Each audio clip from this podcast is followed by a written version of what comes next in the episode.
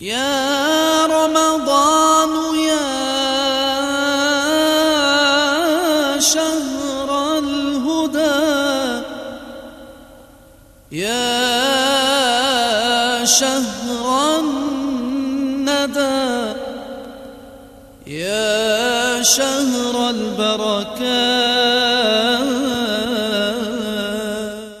الحمد لله تعالى وصلى الله وسلم على سيدي رسول الله محمد وعلى آله الطيبين وصحابته الطاهرين ومن تبعهم بإحسان إلى يوم الدين.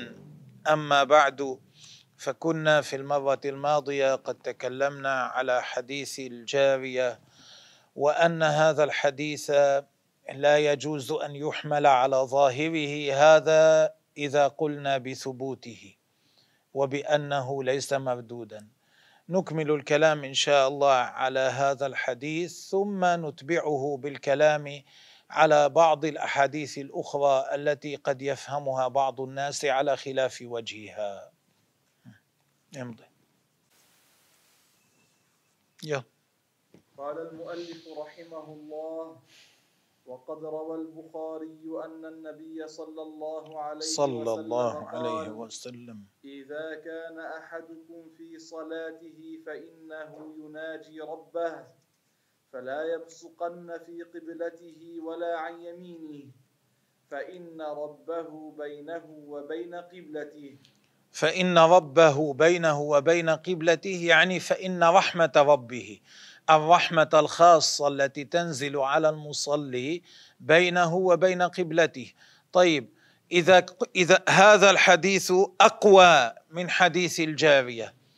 إذا أخذنا بظاهره هذا الحديث إذا المشبه الذي يقول لابد أن نأخذ بالظاهر. على حسب قوله إذا أخذ بظاهره معناه إن الله منحصر بينه وبين القبلة. هو لا يأخذ بظاهره. بل يقول هذا ليس معناه هكذا هذا له معنى آخر. إذا يؤوله يخرجه عن الظاهر. إذا لماذا لا يؤول حديث الجارية إذا وهذا الحديث أقوى إس- إسنادا من حديث الجارية. كما أنه هو يؤول هذا الحديث بعض العلماء أول حديث الجارية وقال معناه إن الله أعلى من كل شيء قدرا. نعم. وهذا الحديث أقوى إسنادا من حديث الجارية. وأخرج البخاري أيضا عن أبي موسى الأشعري. أن رسول الله صلى الله, صلى الله عليه وسلم وسلم. اربعوا على أنفسكم. هونوا على أنفسكم. لا تجهدوا أنفسكم. كان الصحابة يرفعون أصواتهم بالدعاء.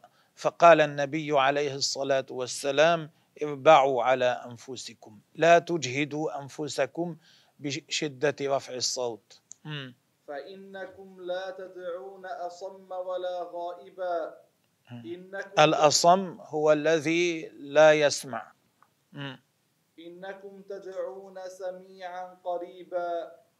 والذي تدعونه أقرب إلى أحدكم من عنق راحلة أحدكم. هذا الحديث أيضا أقوى من حديث الجارية.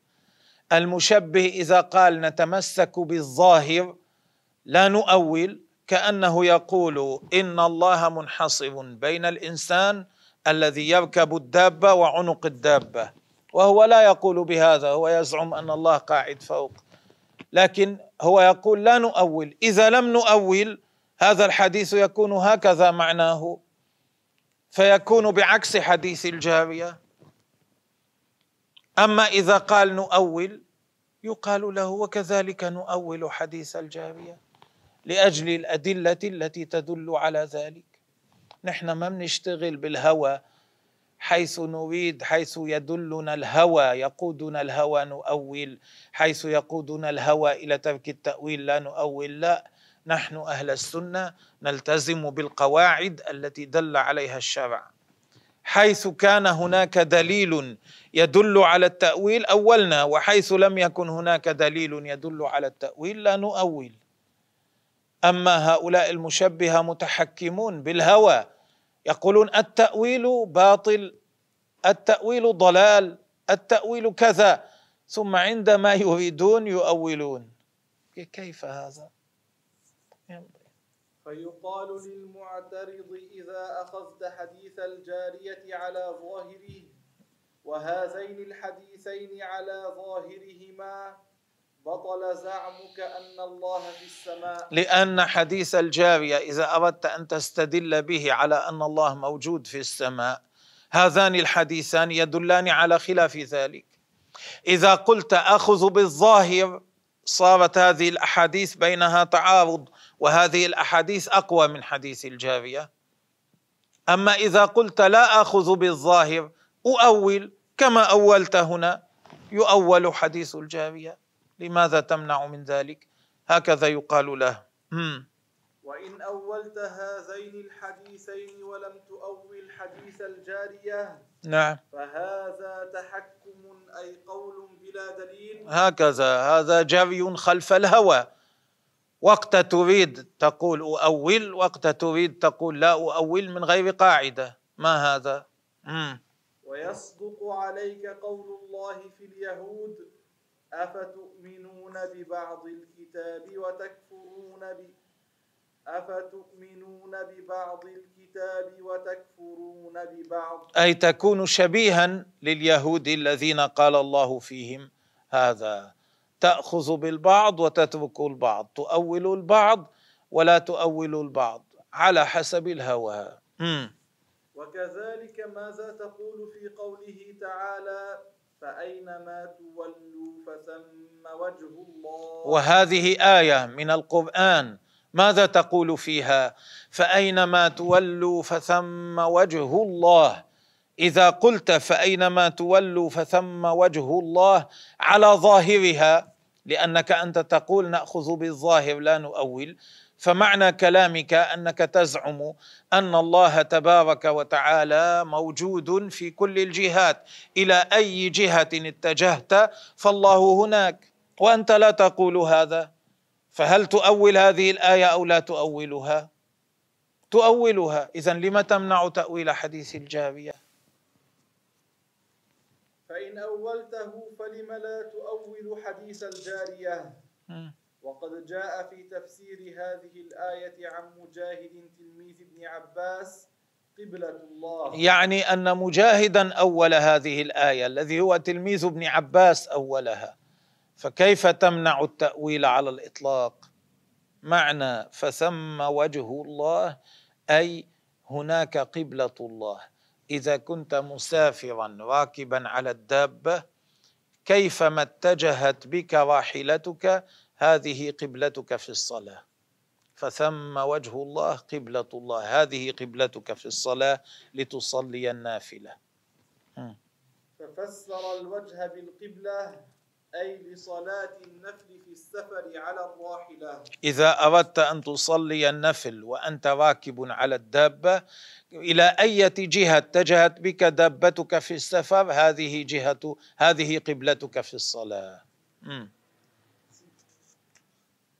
وأما الحديث الذي رواه الترمذي وهو الراحمون يرحمهم الرحمن ارحموا من في الأرض يرحمكم من في السماء. هذا الحديث أيضا هؤلاء المشبهة أحيانا يتمسكون به ولا متمسك لهم.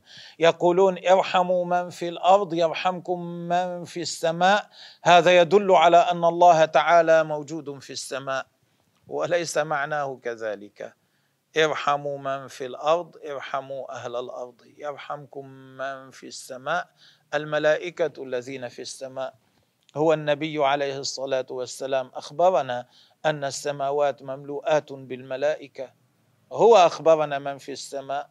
ما في السماء موضع أربع أصابع إلا وفيها ملك قائم أو راكع أو ساجد. امضي.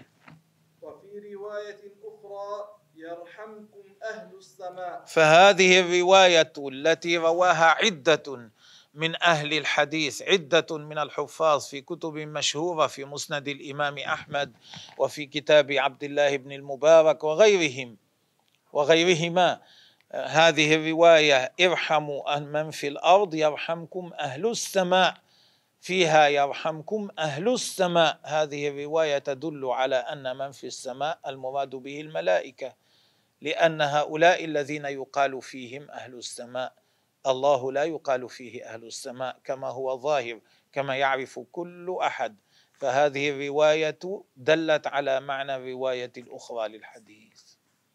فهذه الرواية تفسر الرواية الأولى لأن خير ما يفسر به الحديث الوارد بالوارد. أحسن ما فسرت به الآية أو الحديث هو آية أو حديث. أحسن ما تف... أحسن ما تفسر به. شيئا ورد في الشرع هو شيء ورد في الشرع. كما قال الحافظ العراقي في ألفيته وخير ما فسرته بالوارد. نعم. ثم المراد بأهل السماء الملائكة. نعم. ذكر ذلك الحافظ العراقي في أماليه عقب هذا الحديث. عقيبة. عيدة ثم المراد بأهل السماء الملائكة. ذكر ذلك الحافظ العراقي في أماليه عقيب هذا الحديث. ونص عبارته واستدل بقوله أهل السماء على أن المراد بقوله من في السماء الملائكة. وقبل الحافظ العراقي بزمان السيد الإمام أحمد الرفاعي رضي الله عنه فسر هذا الحديث بذلك. قال يرحمكم من في السماء أي يرحمكم أهل السماء. وعلى هذا وعلى هذا تدل الروايات المختلفة للحديث. إذا ليس فيه دليل على أن الله قاعد في السماء كما يقول المشبهة. لأنه لا يقال لله أهل السماء. نعم. ومن تصلح للمفرد وللجمع. إيه ومن تستعمل للمفرد وتستعمل للجمع. من يأتي قد تقصد به جماعة وقد تقصد به واحدا. فلا حجة لهم في الآية فلا حجة لهم في الآية أأمنتم من في السماء أن يخسف الأرض يعني أأمنتم من في السماء أن يخسف بكم الأرض؟ يعني أأمنتم جبريل أن يخسف بكم الأرض؟ أو أأمنتم الملائكة أن يخسف أي جنس الملائكة؟ العرب تقول هذا أأمنتم من في السماء ويريدون أن يفعل كذا ويريدون الجمع؟ أي الجنس جنس الملائكة أن يخسف بكم الأرض. نعم. بل الحديث الذي فيه ارحموا أهل الأرض يرحمكم أهل السماء يدل على أن المقصود بمن في السماء الملائكة. ويقال مثل ذلك في الآية التي تليها وهي أم أمنتم من في السماء أن يرسل عليكم حاصبا؟ فمن في هذه الآية أيضا أهل السماء؟ إيه، ولا يقال لكن هنا استعملت من؟ من للمفرد؟ لا من تستعمل للمفرد وتستعمل للجمع. ليس صحيحا أنها تستعمل للمفرد فقط. الله قال ومن ومنهم من يستمعون إليك. وفي موضع آخر من يستمع إليك.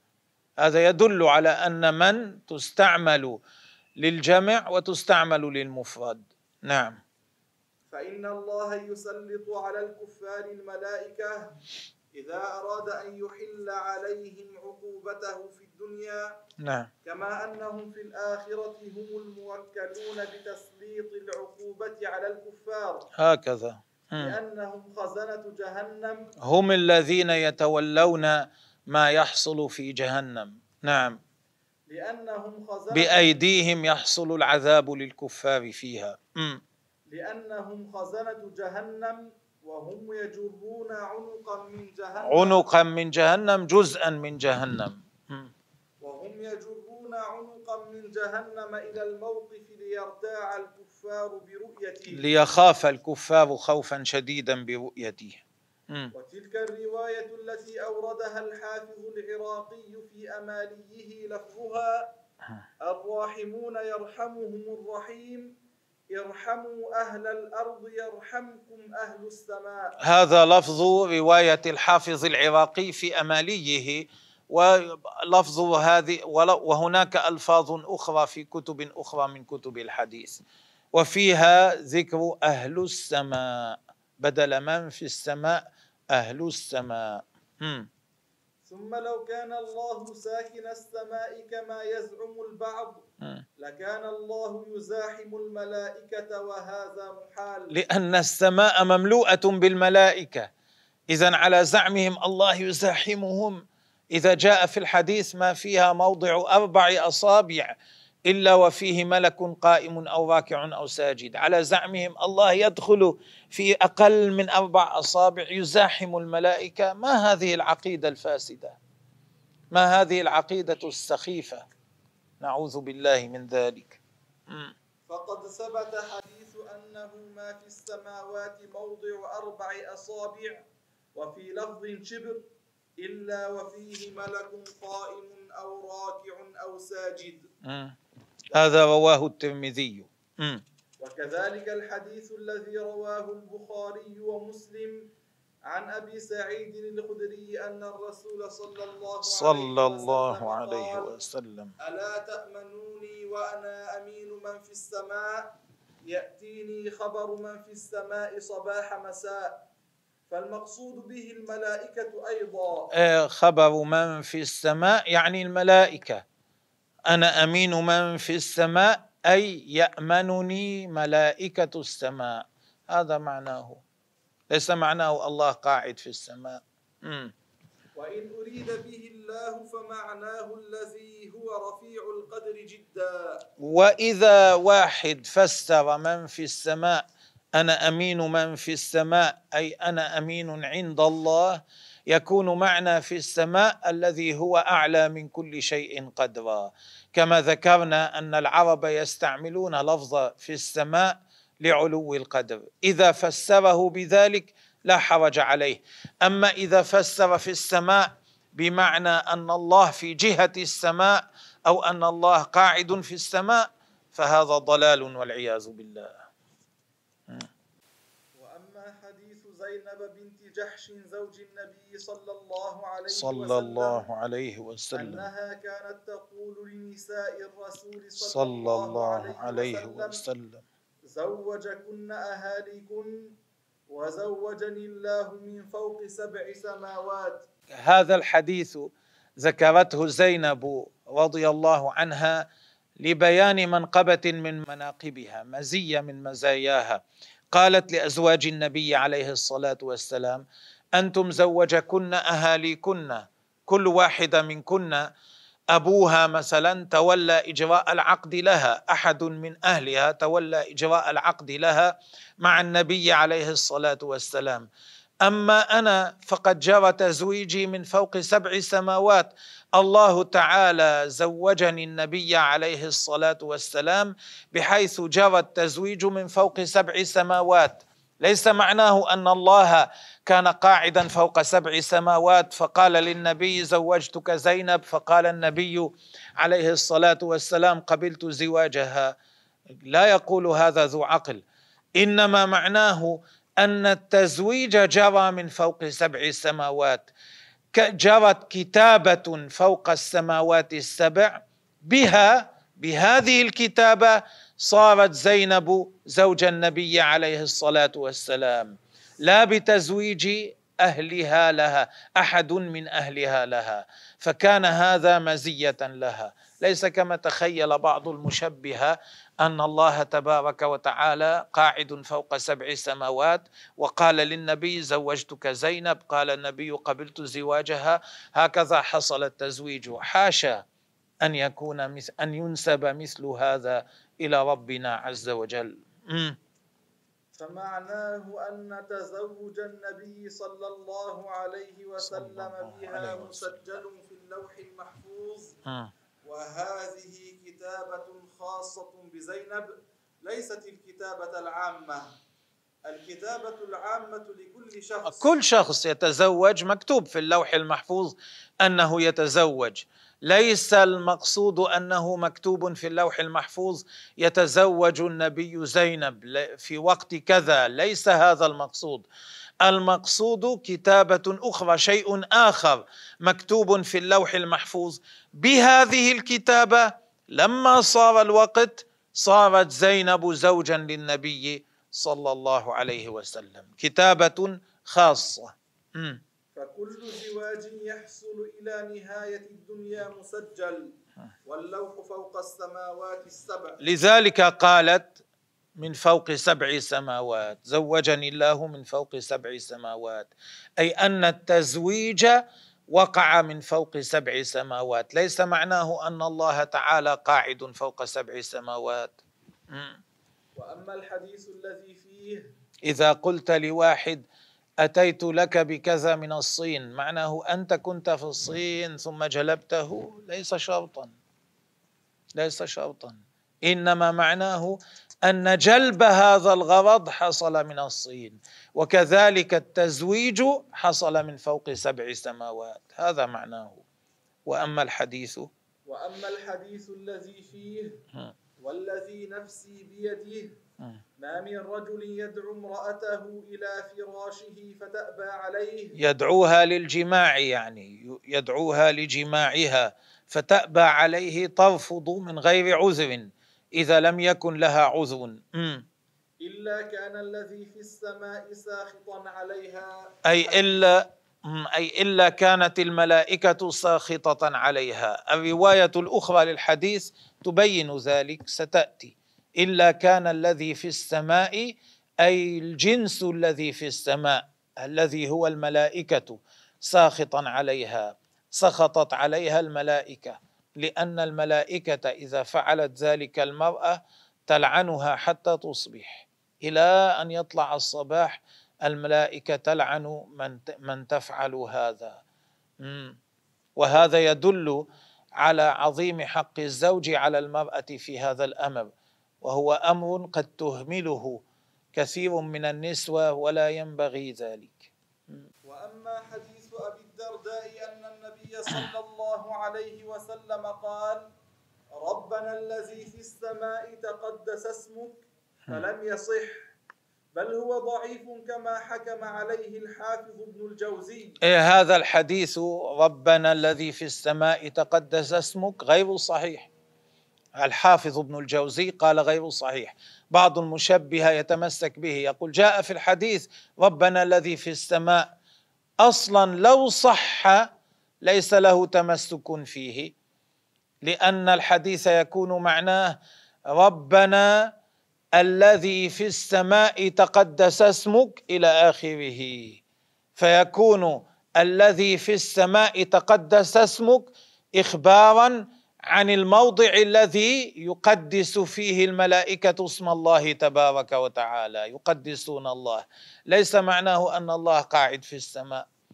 ولو فسره أحد ربنا الذي في السماء بمعنى الذي هو أعلى من كل شيء قدرا أيضا يصح.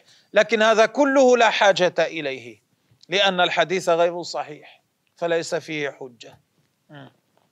ولو صح فأمره كما مر في حديث الجارية. يعني قد يفسره البعض بأن معناه أعلى من كل شيء قدرا لكنه غير صحيح فلا يحتاج فيه إلى ذلك. وأما حديث جبير بن مطعم عن النبي صلى الله عليه وسلم صلى الله عليه وسلم. إن الله على عرشه فوق سماواته وسماواته فوق أراضيه مثل القبة فلم يدخله البخاري في الصحيح فلا حجة فيه. يعني هذا الحديث غير ثابت. إن الله على عرشه فوق سماواته وسماواته فوق أراضيه مثل القبة. لم يدخله البخاري في الصحيح لماذا قال هذا؟ شيخنا رحمه الله لأن هذا الحديث رواه البخاري في خارج الصحيح. فلما صنف كتاب الصحيح الذي أفرده للأحاديث الصحيحة ما أدخل هذا الحديث فيه. وذلك لأن هذا الحديث ليس صحيحا. نعم امضي وفي إسناده. وفي في إسناده من هو ضعيف لا يحتج به ذكره ابن الجوزي وغيره. فيه راويان لا يحتج بهما كما ذكر ذلك ابن الجوزي وغيره. في كتابه ابن الجوزي ذكر هذا في دفع شبهة التشبيه. وكذلك ما رواه في كتابه خلق أفعال العباد. ما رواه البخاري يعني في كتابه خلق أفعال العباد.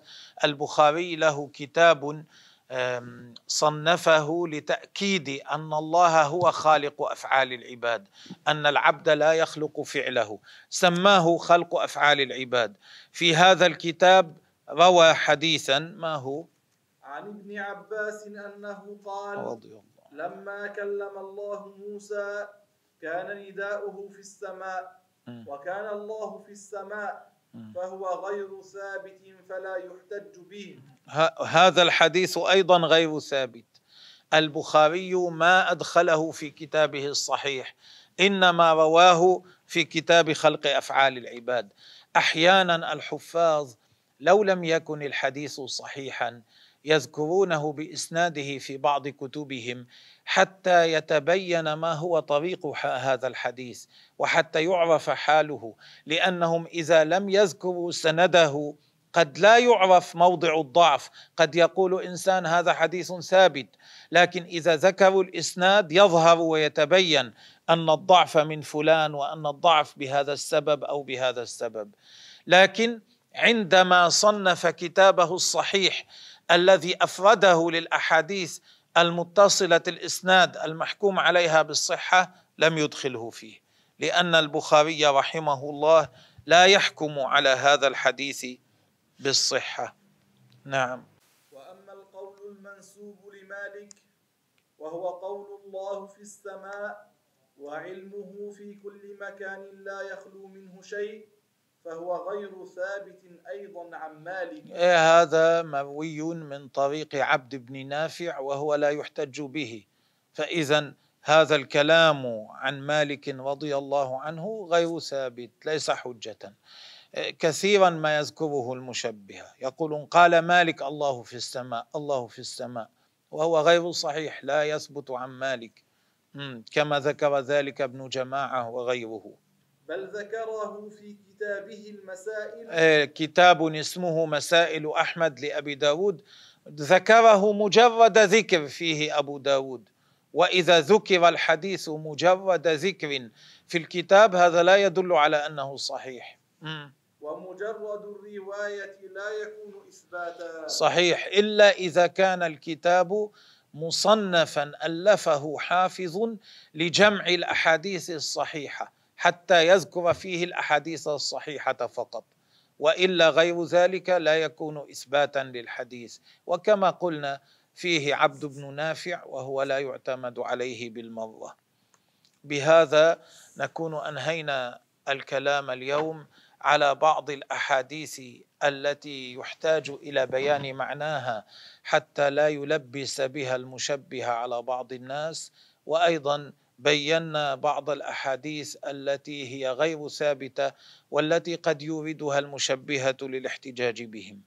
جزى الله المؤلف خيرا على ما أفادنا بذلك ويسر الله لنا فهم العلم ونشره على الوجه الصحيح وسبحان الله وبحمده والله تبارك وتعالى أعلم وأحكم.